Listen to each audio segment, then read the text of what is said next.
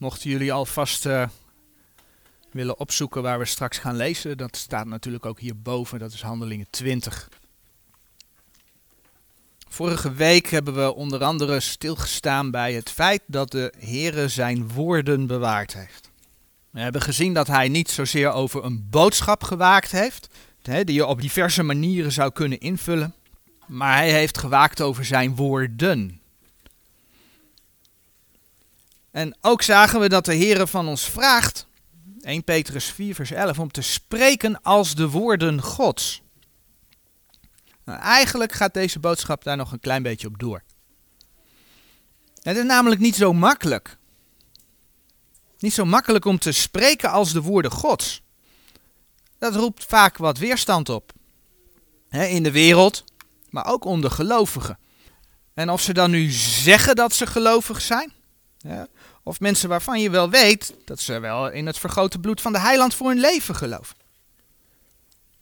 Onlangs had ik een mailwisseling met iemand, overigens een, een protestant, zoals die zichzelf noemde, en die vond de site Bijbel en Geloof hardvochtig.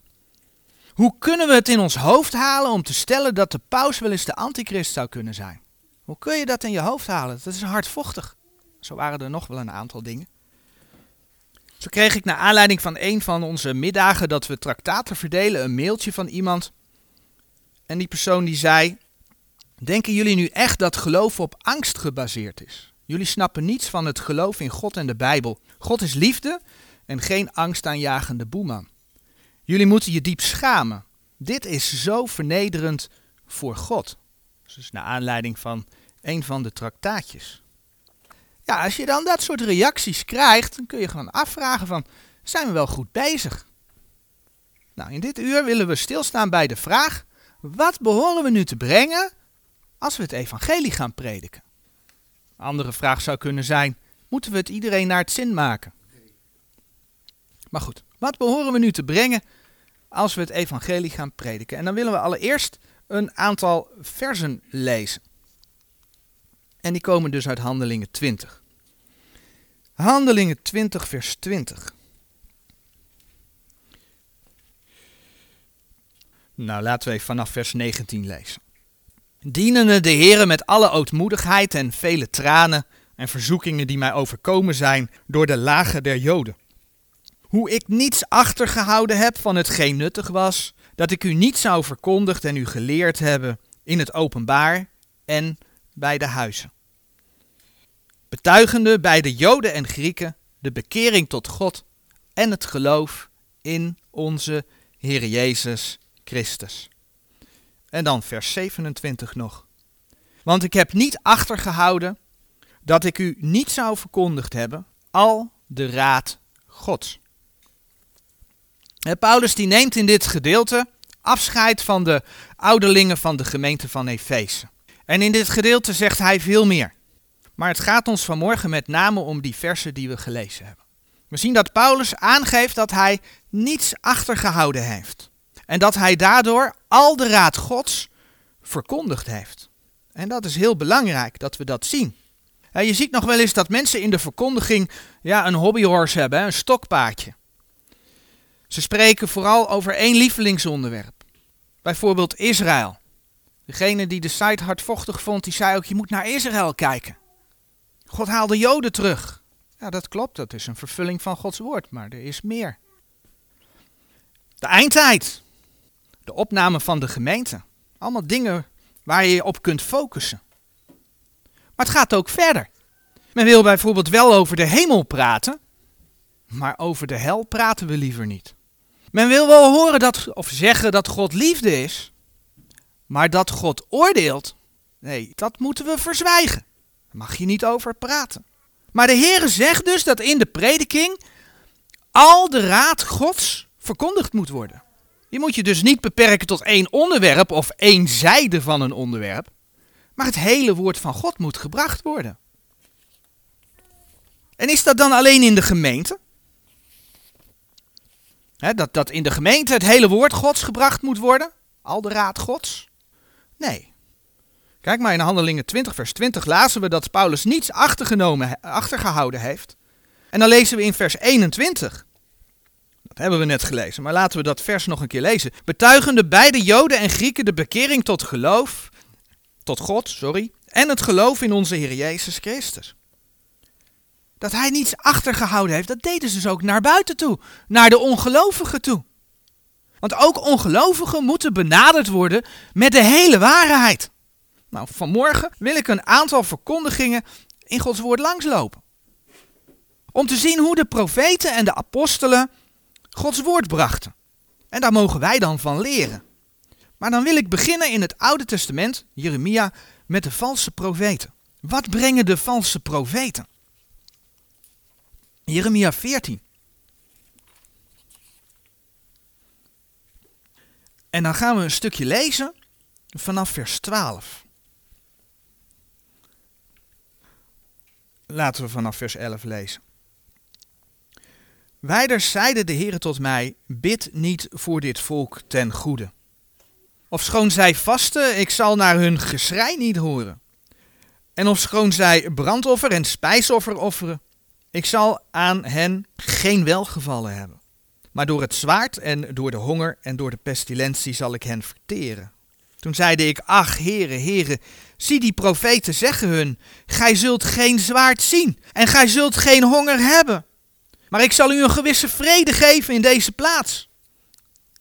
En de heren zeiden tot mij, die profeten profiteren vals in mijn naam. Ik heb hen niet gezonden, noch hun bevel gegeven, noch tot hen gesproken. Zij profiteren u lieden een vals gezicht en waarzegging en nietigheid en bedriegerij huns harten. Daarom zegt de Heer al zo, aangaande de profeten die in mijn naam profiteren, daar ik hen niet gezonden heb. En zij dan nog zeggen, er zal geen zwaard noch honger in het land zijn. Diezelfde profeten zullen door het zwaard en door de honger verteerd worden. En het volk tot welke zij profiteren, zullen op de straten van Jeruzalem weggeworpen zijn vanwege de honger en het zwaard. En er zal niemand zijn die hen begraven, hen, hun vrouwen en hun zonen en hun dochters. Alzo zal ik hun boosheid over hen uitstorten. Die profeten in Israël, die waren niet geliefd bij het Joodse volk. Ik denk dat we die tekst, Matthäus 23, vers 37, wel kennen, waar gezegd wordt, Jeruzalem, Jeruzalem, gij die de profeten dood. Matthäus 23, vers 37. Hoe kwam dat? Ja, het Joodse volk had gezegd, wij zullen de Here dienen. Wij zullen alles doen wat in de wet staat. En wat deed het Joodse volk? Zij deden het niet. Het Joodse volk was niet getrouw. Ze gingen zelfs de afgoden van de volken om hen heen aanbidden. Ja, en toen zond God de profeten. En hij ging het volk waarschuwen door de profeten. En door de profeten kondigde God ja, zijn oordeel aan over dat volk. Wat er zou gebeuren als ze zich niet zouden bekeren. Dus God gaf ze de kans om zich te bekeren. Maar dat wilde men niet. Men wilde zich niet bekeren. En wat zag je dan? Dan kreeg je de valse profeten. En wat deden die valse profeten? Ja, die zeiden in de eerste plaats dat ze ook namens de Heren spraken. Dat maakt het dan lastig natuurlijk, hè? Ze spraken namens de Heren, zeiden ze. Maar dat deden ze niet. Wat ze deden was de mensen naar de mond praten. Je hoort het ze zo zeggen. Plaats het in deze tijd. God is liefde. God is liefde. Hij stuurt geen oordeel. Kom nou. Er gaat helemaal niets ergs gebeuren. Er komt vrede in deze plaats. Dat is wat er gaat gebeuren. Dat was de verkondiging van de valse profeten. Kun je ook naar Ezekiel 22, vers 26 en 28 kijken. Gaat er ook over. Er zijn veel meer plaatsen trouwens in de schrift die daarover gaan. Maar Israël kwam erachter dat die valse profeten wel degelijk vals waren. En dat Gods toren kwam. Het volk is in ballingschap weggevoerd en velen zijn gestorven. En dan zegt de Heer, in Jeremia 23, vers 22, een paar hoofdstukken verder, over die valse profeten. Jeremia 23, vers 22.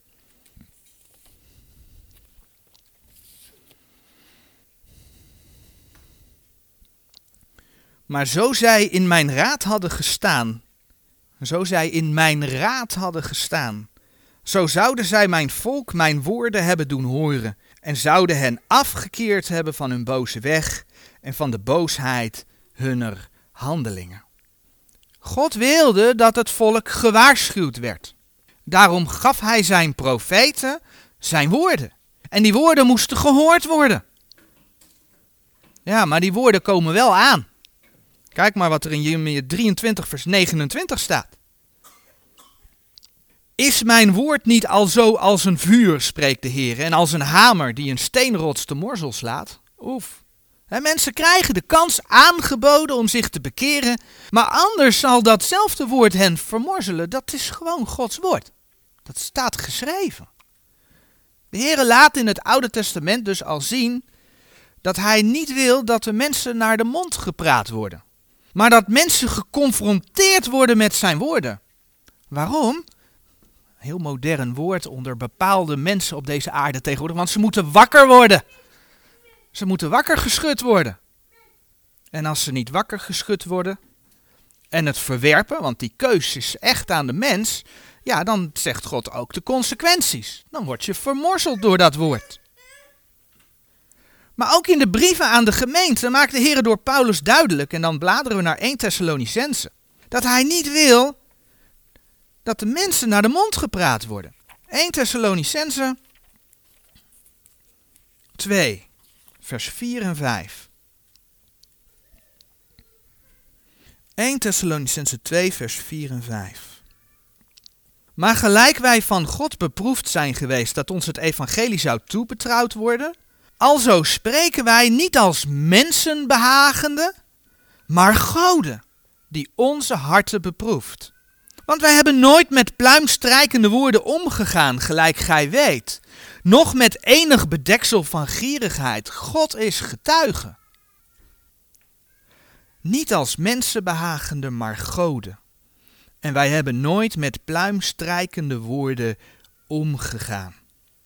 Dus we moeten geen mensen behagen, maar, zoals we al in 1 Petrus 4 vers 11 zagen, spreken als de woorden Gods. We moeten, zoals Handelingen zegt, Handelingen 20 vers 27, al de raad Gods doorgeven. Ja, en dat wordt ook duidelijk uit diverse nieuwtestamentische verkondigingen. Laten we beginnen met de preek van Johannes de Doper in uh, Matthäus 3.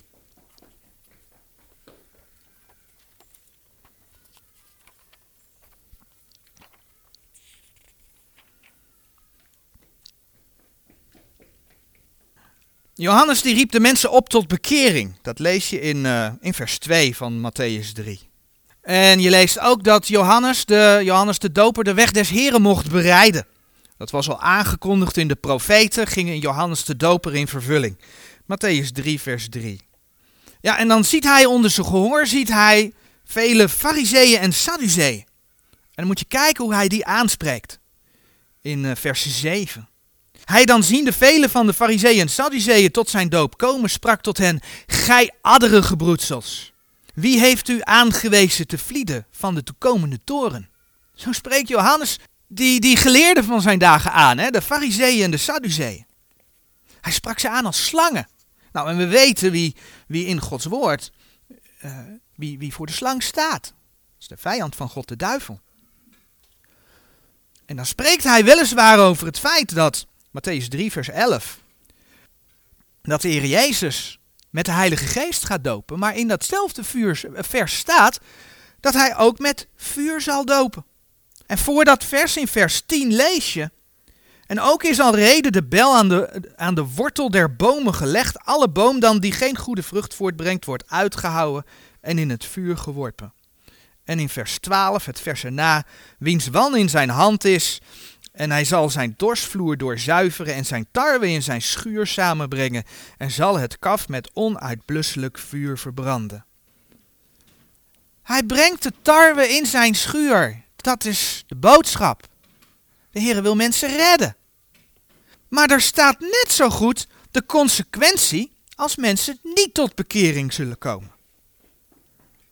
Hij zal het kaf met onuitblusselijk vuur verbranden. Dat gaat over de hel, over de poel des vuurs. Dat is Johannes de Doper. Toespraak van Johannes de Doper. Maar de Heer Jezus dan? De Heer Jezus. Met zijn mooie verhalen naar de mensen toe. Die geweldige gelijkenis wordt altijd opgehemeld. In de, in de, in de, in de, in de, in de verhandelingen daarover. Maar ga die gelijkenissen eens lezen. Die zitten vol met waarschuwingen. We bladeren naar Matthäus 13. Matthäus 13.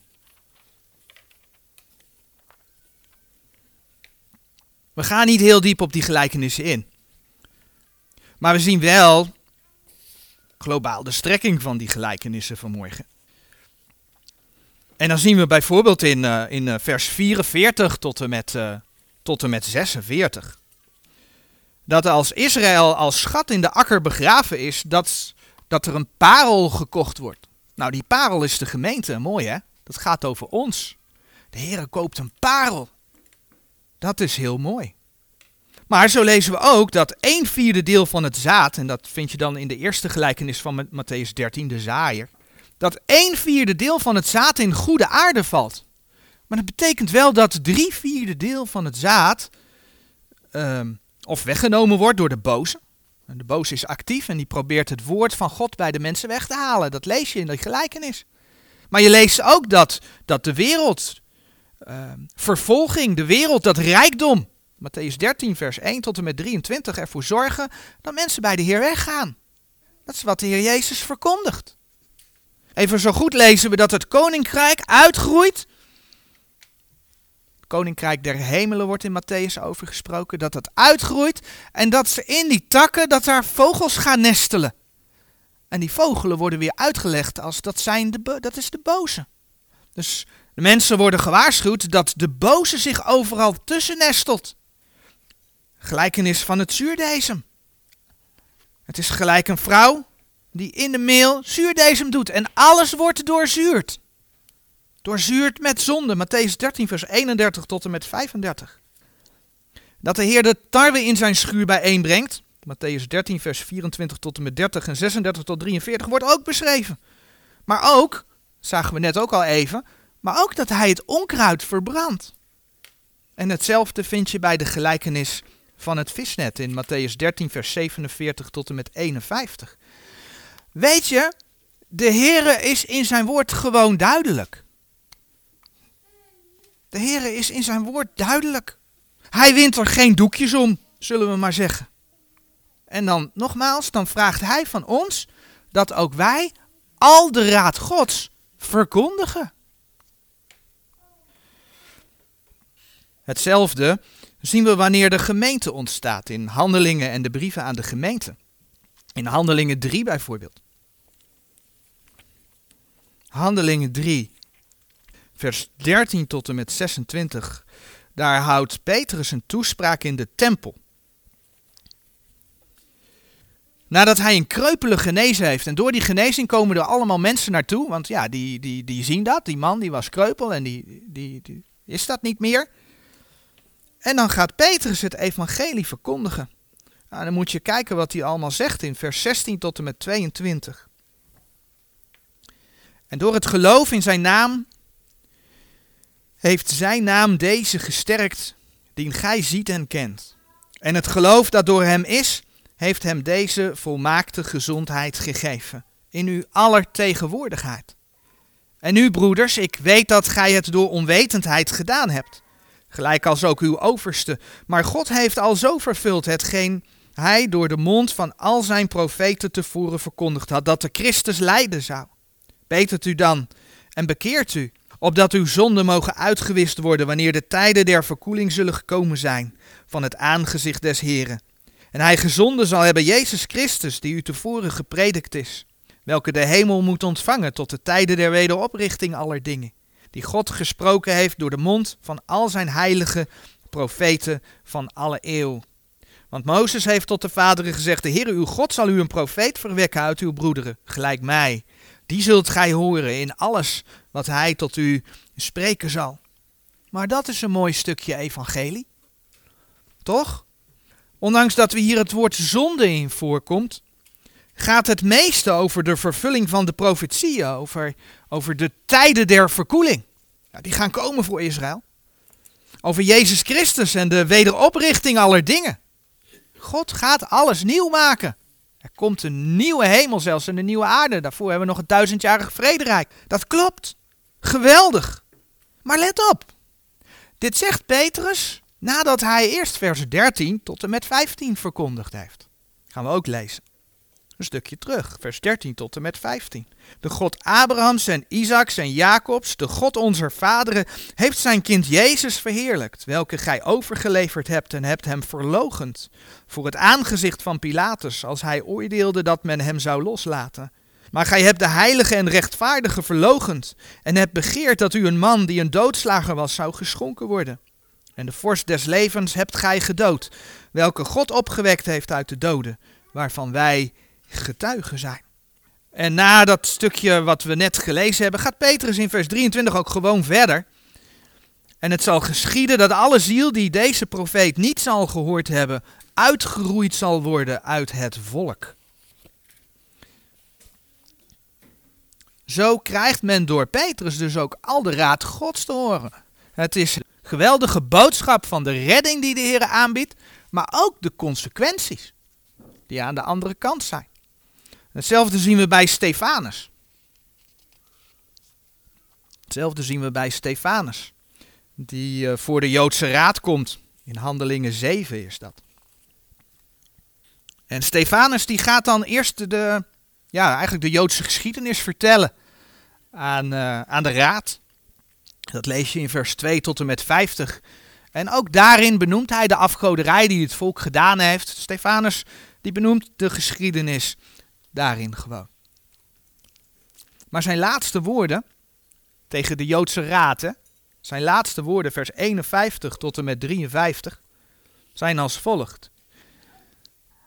Gij hardnekkige en onbesnedene van hart en oren, gij wederstaat altijd de Heilige Geest, gelijk uw vaders, alzo ook gij. Wien van de profeten hebben uw vaders niet vervolgd? Ze hebben gedood degene die tevoren verkondigd hebben de komst des rechtvaardigen, van welke gij lieden nu verraders en moorders geworden zijt. Gij die de wet ontvangen hebt door de bestellingen der engelen, en hebt ze niet gehouden. De woorden van Stefanus tegen die heren in die lange gewaden daar allemaal. Op dat moment kost dat Stefanus zelfs zijn leven. Hij wordt gestenigd. Maar hij heeft wel de waarheid verteld.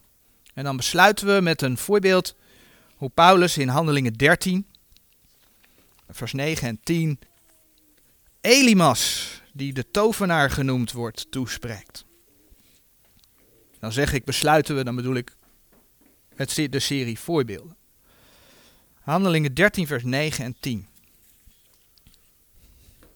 Doch Saulus, die ook Paulus genaamd is, vervuld met de Heilige Geest en de ogen op hem houdende, zeide: O gij kind des duivels, vol van alle bedrog en van alle arglistigheid, vijand van alle gerechtigheid, zult gij niet ophouden te verkeren de rechte wegen des Heren?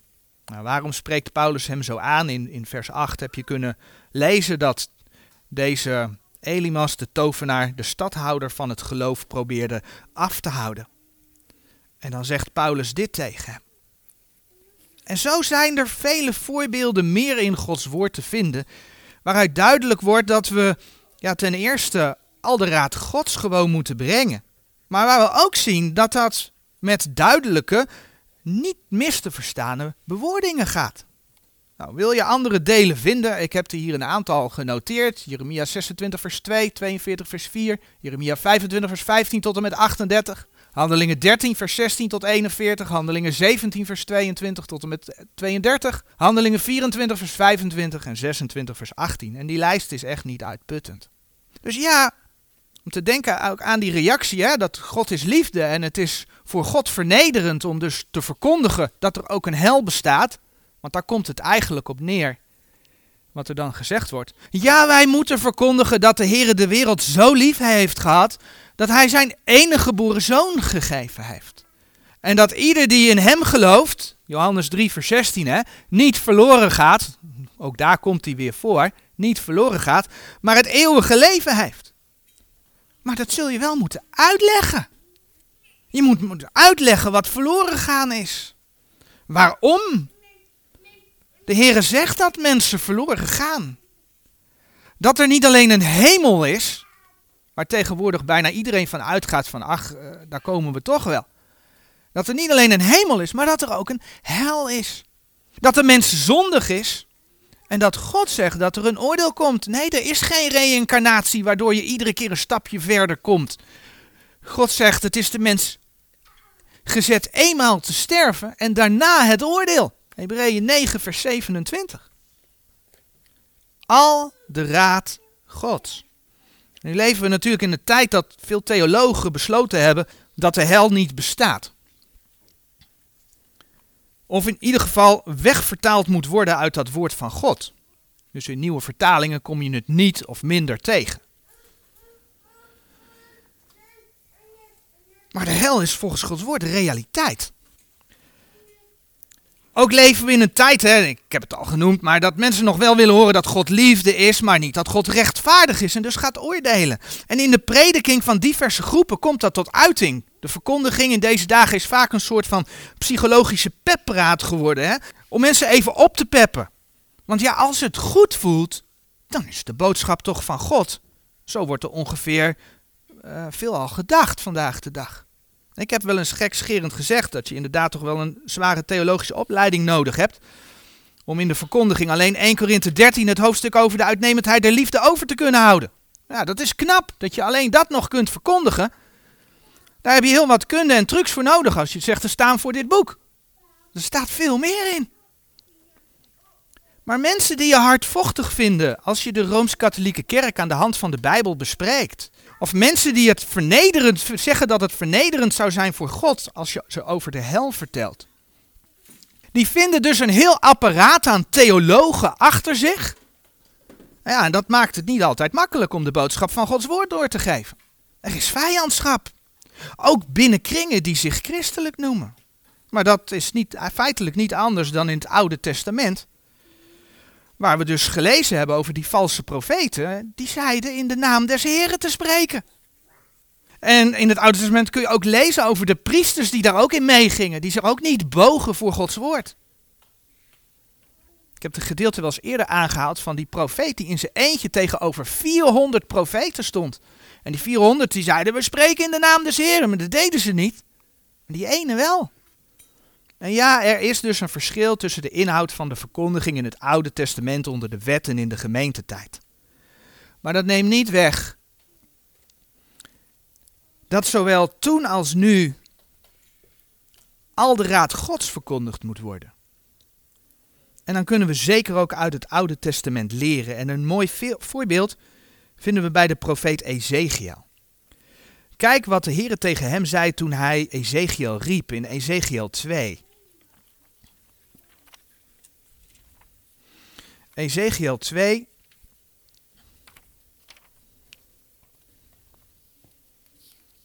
Ezekiel 2, vers 3 tot en met 6. En hij zeide tot mij, mensenkind, ik zend u tot de kinderen Israëls, tot de rebellerende volken die tegen mij gerebelleerd hebben. Zij en hun vaderen hebben overtreden tegen mij tot op dezezelfde huidige dag. En deze kinderen zijn hard van aangezicht en stijf van hart. Ik zend u tot hen. En gij zult tot hen zeggen, zo zegt de Heere, Heere. En zij, het zij dat zij het horen zullen, of het zij dat zij het laten zullen, want ze zijn een wederspannig huis. Zo zullen zij weten dat een profeet in het midden van hen geweest is. En gij mensenkind, vrees niet voor hen, en vrees niet voor hun woorden, hoewel wederwillige en doornen bij u zijn, en gij bij schorpioenen woont. Vrees voor hun woorden niet, en ontzet u niet voor hun aangezicht, want zij zijn een wederspannig huis.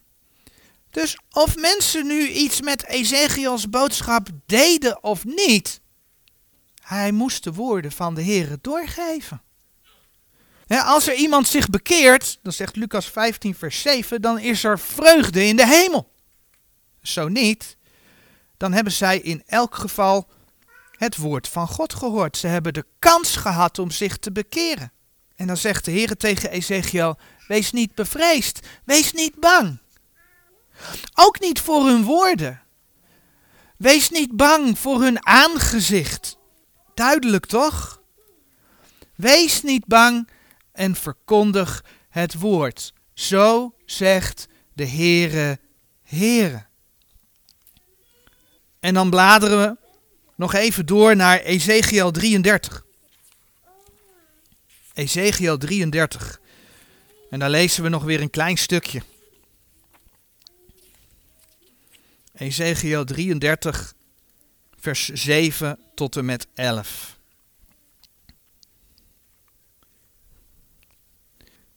Gij nu, o mensenkind, ik heb u tot een wachter gesteld over het huis Israëls, zo zult gij het woord uit mijn mond horen en hen van mijnentwege waarschuwen. Als ik tot de goddeloze zeg, o goddeloze, gij zult de dood sterven, en gij spreekt niet om de goddeloze van zijn weg af te manen, die goddeloze zal in zijn ongerechtigheid sterven, maar zijn bloed zal ik van uw hand eisen. Maar als gij de goddeloze van zijn weg afmaant, dat hij zich van die bekeren en hij zich van zijn weg niet bekeert, zo zal hij in zijn ongerechtigheid sterven, maar gij hebt uw ziel bevrijd. Daarom, gij mensenkind, zegt tot het huis Israëls, gij lieden spreekt al dus, zeggende, terwijl onze overtreding en onze zonde op ons zijn, en wij in dezelfde versmachten, hoe zullen wij dan leven? Zeg tot hen, zo waarachtig als ik leef, spreekt de Heere Heere, zo ik lust heb in de dood des goddelozen. Maar daarin heb ik lust, dat de goddelozen zich bekeren van zijn weg en leven. Bekeert u, bekeert u van uw boze wegen, want waarom zoudt gij sterven, o huis Israël? Zie je dat? God heeft geen lust in het straffen van de goddelozen. Hij wil, hij wil redden. Dat is wat God wil. Dat vinden we ook in het Nieuwe Testament.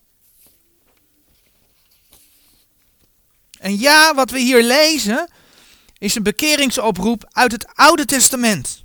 Maar in Jezus Christus geldt die in feite net zo goed voor vandaag de dag. En nee, wij stellen niet onze ziel ermee veilig door andere mensen het evangelie uh, te verkondigen. Daar stellen we onze ziel niet mee veilig, want dat kun je hier wel een beetje uithalen. Dat is oud-testamentisch. als we de Heer Jezus hebben aangenomen, dan is onze ziel behouden. Maar kijk wat Paulus zegt in de context van het gedeelte wat wij gelezen hebben in Handelingen 20. We hebben vers 27 gelezen. En dat is best wel heftig om dat even tot je door te laten dringen. Maar kijk wat Paulus in het vers ervoor zegt. Vers 26. Dus we stellen onze ziel niet mee veilig. Maar toch zegt Paulus in Handelingen 20, vers 26, en dan lees ik vers 27 gewoon even door. Daarom betuig ik u lieden op deze huidige dag dat ik rein ben van het bloed van u allen. Want ik heb niet achtergehouden dat ik u niet zou verkondigd hebben, al de raad Gods. Daarom betuig ik u lieden op deze huidige dag dat ik rein ben van het bloed van u allen. Want ik heb niet achtergehouden dat ik u niet zou verkondigd hebben al de raad Gods. Dus zelfs in de verkondiging van Paulus vinden we dat we rein zijn van het bloed van mensen op het moment dat we hen al de raad Gods verkondigd hebben. En in feite betekent dat alles dat we geen strategieën moeten bedenken om het woord te verkondigen. We moeten geen strategieën bedenken. Het enige wat wij moeten doen, is de woorden van de Heer verkondigen. Spreken als de woorden Gods. En er gewoon niet één woord van afdoen. Kun je ook nog heel mooi vinden dat de Heer dat tegen Jeremia 26 vers 2, uh, tegen Jeremia zegt in Jeremia 26 vers 2. En dan is de rest aan de Heer. Hij kan je de juiste mensen op je pad brengen, waardoor dat woord ook ingang vindt. En ja, we zien niet altijd direct resultaat. Noach notenbenen. Als je in 2 Petrus 2 vers 5 kijkt, dan zie je dat Noach, die kennen we meestal vooral van het bouwen van de ark, maar Noach was een prediker der gerechtigheid. Dat, dat vind je in 2 Petrus 2 vers 5. Dus Noach heeft gepreekt. En wat lees je dan als de zondvloed komt? Dan gaan hij en de zijnen in de ark. En toch heeft de boodschap geklonken. Noach heeft mensen tot bekering opgeroepen. Anders was hij geen prediker der gerechtigheid. Maar alleen hij en zijn gezin gaan in de ark.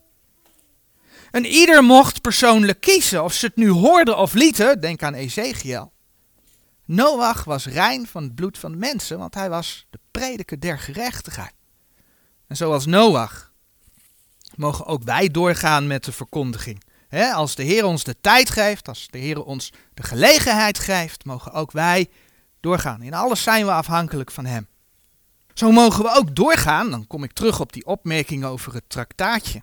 Mogen we ook doorgaan, bijvoorbeeld met het uitdelen van traktaatjes. Bijvoorbeeld deze. Waarom hebben wij voor die traktaatjes gekozen? Omdat ze laagdrempelig zijn. Laagdrempelig omdat het er eigenlijk een strip is.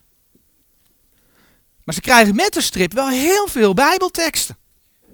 Teksten die duidelijk zijn. Teksten die spreken over de hel, maar ook teksten die spreken over redding. En plaatjes erbij die soms ook heel duidelijk zijn. En een ieder weet dat het een strip is, dat het getekend is door een tekenaar. Maar die plaatjes maken eigenlijk net zoals de teksten duidelijk dat Gods woorden gewoon duidelijk zijn. En ik laat één verschrikkelijk plaatje zien. Ik weet niet of dat op afstand goed te zien is, maar ik uh, bedacht dat wat later dan dat ik in de voorbereiding mee bezig was.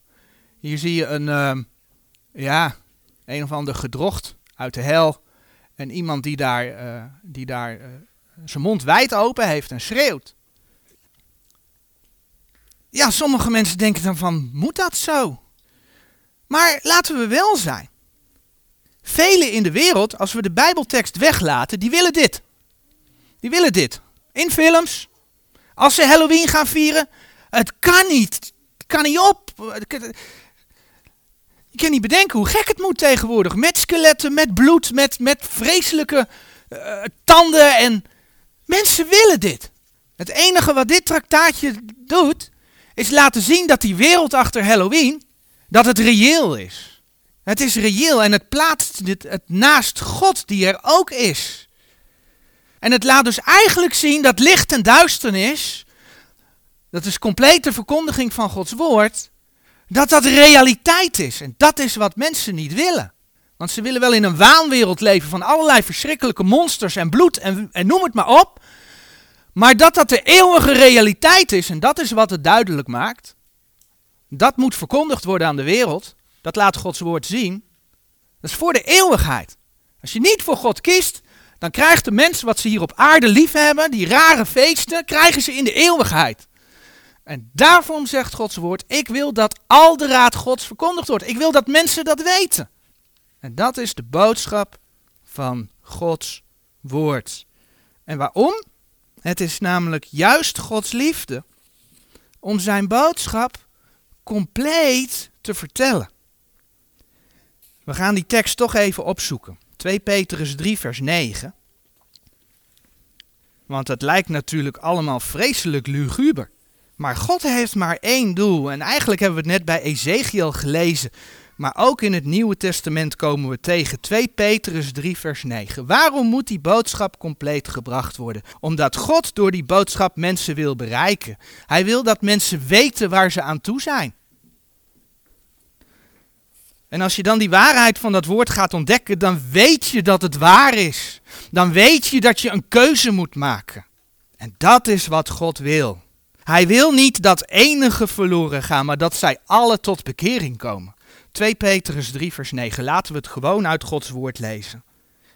De Heere vertraagt de belofte niet gelijk enige dat traagheid achter. Hij is ons nog niet komen halen.